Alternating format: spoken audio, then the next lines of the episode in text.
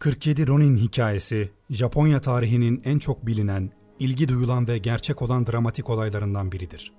Çünkü yıllardır savaşan ve statüleriyle toplumun en üstünde yer almış samurayların Edo döneminin başlangıcında savaşsız bırakılması, askeri işlevlerinin fonksiyonsuz hale getirilmesi ve hareketli bir yaşantıdan koltuklarına yapışmaları gereken aristokratlar haline dönüştürülmeleri onlar için acı bir sonuçtu.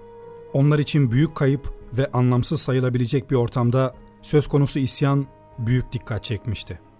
Harima şehrinde yaşayan 47 Ronin'in başından geçen gerçek hikaye, Japonya'nın ünlü samuray savaşçılarının idealleri ve değerlerini aktarabilmek açısından en mükemmel örneği sergileyen bir olaylar dizisidir. İntikam soğuk yenen bir yemektir sözüne karşılık gelen bir hikaye. Bu hikayeyi daha fazla anlamlandırabilmek adı altında 1622-1685 yılları arasında yaşamış samurayların ne anlama geldiğini ve samuray ruhunun en önemli işlerini sıralayan bir kuramcı olan Yamagako Soko'ya dikkat etmek gerekir.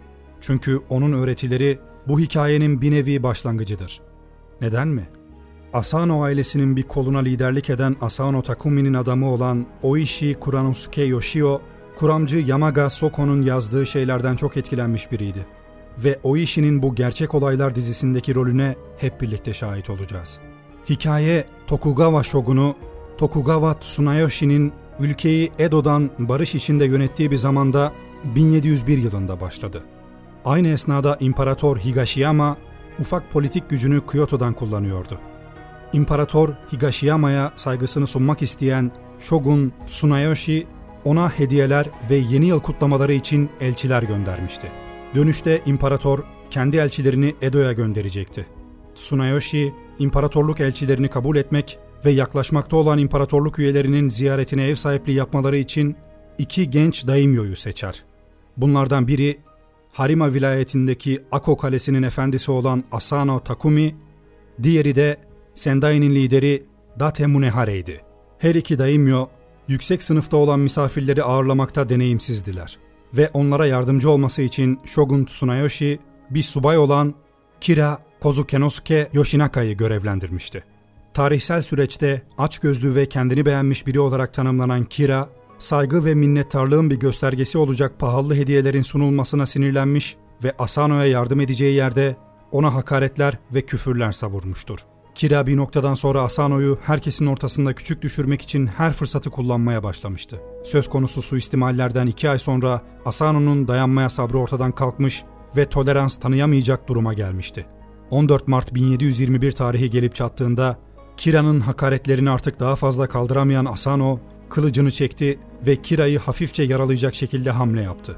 Halbuki Shogun hükümetinin yönettiği Edo kalesinin içinde böyle bir hareketi yapmak ölüm cezasına sebep olacak bir suç teşkil ediyordu. Asano son bir gayretle şogunluğa karşı kötü bir his beslemediğini ve Kira'yı öldürmek konusunda başarısız olduğu için pişman olduğunu aktardı. Müfettişler söz konusu meseleyi araştırıp tamamladıktan sonra şogunluk yönetimi Asano lordunu ölüme mahkum etmiş ve intihar etmesi teklifinde bulunmuşlardı. Rütben ve Ako için yaptığın hizmetlerden dolayı seppuku'yla kendi canını kendi ellerinle alarak ölümünle hayattayken sahip olduğun cesaret ve haysiyeti göstermene ve böylece kendi onurun ve evinin onurunu tekrar kazanabilmene izin vereceğim. Öte yandan Kira'ya herhangi bir ceza verilmemişti. Üstüne üstlük resmi vazifelerini sürdürmesine izin verilmişti. Haberin Asano'nun kalesine ulaşması geç olmadı. Onun adamları bu haberi duyunca çılgına döndüler ve öfkeyle neler yapmaları gerektiğini düşünmeye başladılar. Kira'nın uygunsuz hareketlerinin görmezlikten gelinmesi, Asano'nun hak etmediği halde ağır şekilde cezalandırılması, Asano'nun adamlarını çılgına çevirmiş ve Harima eyaletini bir öfke bulutu kaplamıştı. Shogun'un sorumsuzluğu sadece Asano'ya çıkarması ve ettiği onca hakarete rağmen Kira'nın sorumlu görülmemesi Asano'nun adamları arasında intikam hırsını alevlendirmişti. Ayrıca kanunlara göre bir daimyo intihar ettiği zaman onun kalesine Shogun el koyuyor, ölen samurayların ailesi mirastan mahrum bırakılıyordu. Bu kanun vesilesiyle Asano'nun Ako'daki kalesine el konulmuş, ailesi mirastan mahrum bırakılmış ve onun emrinde yer alan 321 samuray liderleri öldüğü için birer Ronin olmuşlardı. Efendisi olmayan bir samuray artık bir Ronin oluyordu. Ronin demek aynı zamanda çok tehlikeli süreçlere de hazır olmak demekti. Çünkü Roninler efendileri varsa samuray oluyorlar, efendilerinin hizmetinde yer alarak rütbe, mevki ve övgü kazanıyorlardı. Efendisi öldürülen bir samuray Ronin'e dönüşünce ister istemez eski liderlerine sadakati gözler önüne serecek ve intikam ateşiyle tutuşacaklardı. Bu etkenleri birleştirince Asano samuraylarının neler yapacağını tahmin etmek zor değildi ve bazı konularda harekete geçmeleri şüphesizdi. Kimisi Shogun'un kaleyi kendi egemenliğine alışına boyun eğmeliydi, kimisi intikam almak ve Kira'yı öldürmek için çeşitli entrikalar çevirmeliydi. Kimisi kanunlara saygı göstermeli ve hiçbir sorun çıkarmadan teslim olmalıydı. Asano'nun baş encümenlerinden ve en önemli adamlarından biri olan Oishi, çeşitli düşünceleri dinlemiş ve sonunda bir plana karar vermişti. Shogun'a Asano ailesinin Asano'nun ufak kardeşi Daigaku'nun liderliğinde yeniden tesis edilmesine dair bir talepte bulunacaktı. O işi kaleyi barışçıl yöntemlerle tekrar ellerinde tutmaya devam etmeleri, bu esnada Asano'nun eski gücüne kavuşması için mücadele etmeleri gerektiğini ve güçlü bir hale gelindiği, fırsatlar yaratıldığı zaman Kira'dan intikamın alınmasını salık vermişti. Ama bir kısım askerler bu karardan pek hoşnut değildi ve bir an önce harekete geçmek istiyorlar ve kabaran intikam duygularından dolayı bekleyemiyorlardı. Bundan dolayı bir grup Asano savaşçısı intikam almanın yollarını planlamaya başlamıştı. Çünkü efendilerinin ölümünden dolayı Kira'yı sorumlu tutuyor ve bir an önce onun kellesini almak istiyorlardı. Ama diğer taraftan Kira aptal biri değildi ve Asano tarafından gelebilecek herhangi bir intikam saldırısını hesaba katarak şahsi korumalarını arttırmıştı. O işi intikam düşüncesini fazlasıyla benliğinde taşıyacaktı. Aradan birkaç gün geçtikten sonra Shogun'un ajanları Ako Kalesi'ne yollandı. Asano samuraylarının birçoğu kaleyi terk etti ve sadece 60 sadık samuray kalmıştı. Shogun'un adamları kaleye varmadan önce ölen liderin kardeşi Daigaku Asano Oishi'ye bir mektup yolladı. Mektupta Shogun'un emirlerine uymalarını ve kaleyi vermeleri istendi. Oishi ve geriye kalan 59 samuray Asano lordunun sözcüklerini bağlayıcı buldukları için onun isteğini kabul etmişti. Ama kaleden ayrılmadan önce efendilerinin öcünü almak ve Kira'yı öldürmek için plan yaptılar. Çünkü bir samuray karakterine sahip olmayan Kira yüzünden efendileri ölmüş ve Asano ailesi trajik bir sona gelmişti. En önemli istekleri Asano'nun yasal şerefinin geri verilmesiydi. Asano'ya hizmet eden eski samurayların kendisinden intikam alacağından doğal olarak şüphelenecek olan Kira'dan söz konusu planı saklamak için adamlar dağılmıştı. O işi Kyoto'nun varoşlarından Yamashina'ya gitmişti. Bir kurnazlık düşünerek şehirdeki Shogun polislerini ve Kira'nın birçok casusunu aldatmak için sarhoş bir kumarbaz rolünü oynamış ve şehirde bu sıfatla ünlenmişti. Diğer taraftan Shogun hala bu konuyla ilgileniyordu.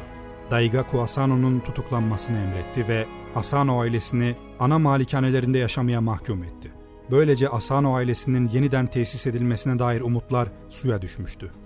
Asano'nun adamları yaklaşık iki yıl boyunca sabrederek intikam alacakları günü iple çekmişler ve beklemişlerdi. Kira'dan planlarını saklayabilmek ve bilgi almasını önlemek için tüccar kılığına girmişler, sokakta satıcılık yapmışlar ve sürekli içmişlerdi. Kira'nın konağına saldırmak için uygun anı bekliyorlardı. O işi gibi kişiler gelecek kaygısı duymadan ve kaybedebileceklerini düşünmeden intikam ateşiyle yanıp sönmekteydiler. O işi karısından ayrılarak kendisini intikama adamıştı. Tüm dünyayı beni boşadığına inandırmalısın.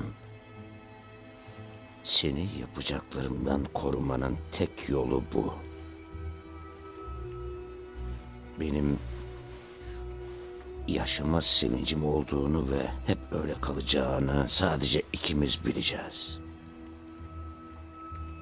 Sadece ikimiz. Bu inanılmaz bir sabır örneğiydi. İki yıl boyunca intikam duygusuyla yaşamak, intikam duygusunun kalplerinde hiç sönmemesi, hep içlerinde yaşatmaları ve bunu sadece efendilerinin onurunu geri vermek için büyük bir sadakatle yapmaları, olayın niteliğini, şaşırtıcılığını, muazzamlığını gözler önüne seriyordu. İki yıllık bekleyiş sonucunda hiçbir faaliyet göze çarpmayınca Kira ve adamları rahatladılar. Oishi ve adamlarından şüphelenmemeye başladılar. Artık Oishi ve adamlarının istediği olmuştu. Gizli bir buluşmayla Oishi ve 59 Ronin Kira'ya karşı harekete geçmeleri konusunda mutabakata vardılar. Ama Oishi sadece 46 adamının harekete geçmesine izin vermişti. Geri kalan 13 adamını ailelerine göndermişti. Bir yanlışın intikamı alınmadığında Tanrı bize utançla bakar. Bu intikam döngüsünün sona ermesi için bizim de ölmemiz gerekiyor.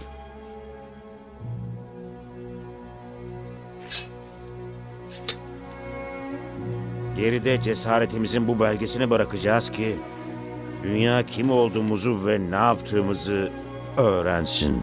O işi ve adamları birer birer Edo şehrine sızdı. 14 Aralık 1702'nin karlı ve soğuk bir kış gecesinde 47 Ronin, Kira çay töreni düzenlerken konağına doğru harekete geçti. 47 Ronin iki gruba ayrılmıştı. Bir kısmı konağın önünde, bir kısmı da arkadan saldırıya geçmişti. Büyük bir çatışmanın ardından 47 Ronin, Kira'nın silahlı 61 nöbetçisiyle çatışmaya başladı. Bir buçuk saatlik çatışmanın sonunda Kira'nın adamlarının işi bitirilmiş ve Kira adamlarından mahrum kalarak savunmasız kalmıştı. Roninler bir adam kaybetmiş ve 46 kişi kalmışlardı. Aramalar sonucunda Kira konağın ek binalarından birinde gizlenmiş halde bulundu. Roninler, efendileri Asano'nun kendisini öldürdüğü bıçakla onun kafasını kestiler. Görevlerini tam anlamıyla sembolik olarak sonlandırmak için efendileri Asano'nun gömüldüğü Sengakuji tapınağına geldiler. Efendilerinin onurunu geri iade etmek ve onun şerefine Kira'nın kesilmiş kafasını tapınağa yerleştirdiler.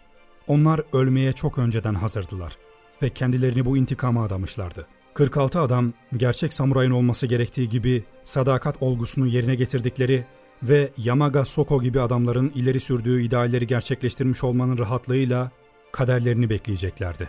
Ayrıca Asano'nun adamları Kira'nın topraklarına saldırmamışlardı ve onlar için gerekli olan en önemli şeyi almışlardı. Yani Kira'nın kafasını. Efendilerinin onurunu geri verecekleri en önemli şey. Geriye bir tek şey kalıyordu. O işi Edo'daki şogunluğa ne yapmış oldukları hakkında bilgi vermeleri için iki temsilci gönderdi. Sengakuji tapınağında bekleyeceklerini ve Shogun'dan olay üzerine bir emir beklediğini iletmişti. Kaçmak yerine görevlerini layıkıyla yerine getirmiş olmanın bir huzuru vardı ve onlar için bir nevi nirvana'ya ulaşılmıştı. Artık kalpleri rahattı. Shogun Tsunayoshi kızgın olmak ve öfkelenmek yerine 47 Ronin'in liderine gösterdiği sadakate hayran kalmıştı. Bu bakış açısı Shogun Tsunayoshi'nin vereceği kararı çok müşkül hale getiriyordu. Onlara büyük hayranlık duymuştu. Ama bir yandan da yürürlükte olan kanunlar vardı ve uygulanması gerekiyordu. Onların yaptıkları kahramanca işe sempatiyle bakmasına ve onlarla aynı duyguları paylaşmasına rağmen ikilem içerisindeydi. Ya Bushido felsefesinin en büyük yönlerinden birini gösterdikleri ve efendileri Asano'nun onurunu savundukları için onları affetmeliydi çünkü Bushido prensipleri açısından takdir edilecek bir olaya imza atmışlardı ya da kanunlarda yazılı olduğu üzere onları cezalandırmalıydı. Eğer duygusal sebepler nedeniyle onları affederse onların onurlarını küçümsemiş ve samuray kurallarını zayıflatmış olmaz mıydı? 47 gün süren düşünme evresinden sonra Tsunayoshi, Oishi ve onun hayatta kalmış 45 adamına bir suçlu olarak değil, onurlu bir savaşçı olarak seppuku yapmalarını emretmişti. Emre itaatsizlik suçundan sıradan suçlular gibi idam edilmelisiniz. Ancak sen ve adamların eski Bushido geleneklerine uydunuz. Efendinizi onurlandırmak ve ihanetin intikamı için size bir samurayın ölümünü ve şerefle efendinizin yanına gömülmeyi bahşediyorum. Eğer Shogun bir suçlu olarak öldürülmelerini isteseydi, onların ortaya koydukları Bushido felsefesi zedelenmiş olacaktı. Ama onurlu bir savaşçı gibi ölmelerini emrederek hem kanunları uygulamış hem de Bushido felsefesini sekteye uğratmamıştı. Roninler arasında en genç olanı Kira'nın ölümünü haber vermesi için Ako'ya gönderildi. 4 Şubat 1703 yılında 46 Ronin aynı anda kahramanca seppuku yaparak onurluca kendilerini kurban ettiler. Ölümlerinden sonra 46 Ronin efendilerinin gömülü olduğu Sengakuji tapınağındaki mezarın her iki yanına gömüldüler. Görev ve adaleti ölüm korkularının üstünde tutan 47 Ronin'in hikayesi, Japon tarihindeki en büyük onur ve sadakat örneklerinden biri olarak yüzyıllarca yaşadı. Her yıl 14 Aralık'ta dünyanın dört bir yanından gelen binlerce insan saygılarını göstermek için 47 Ronin'in mezarlarını ziyaret eder.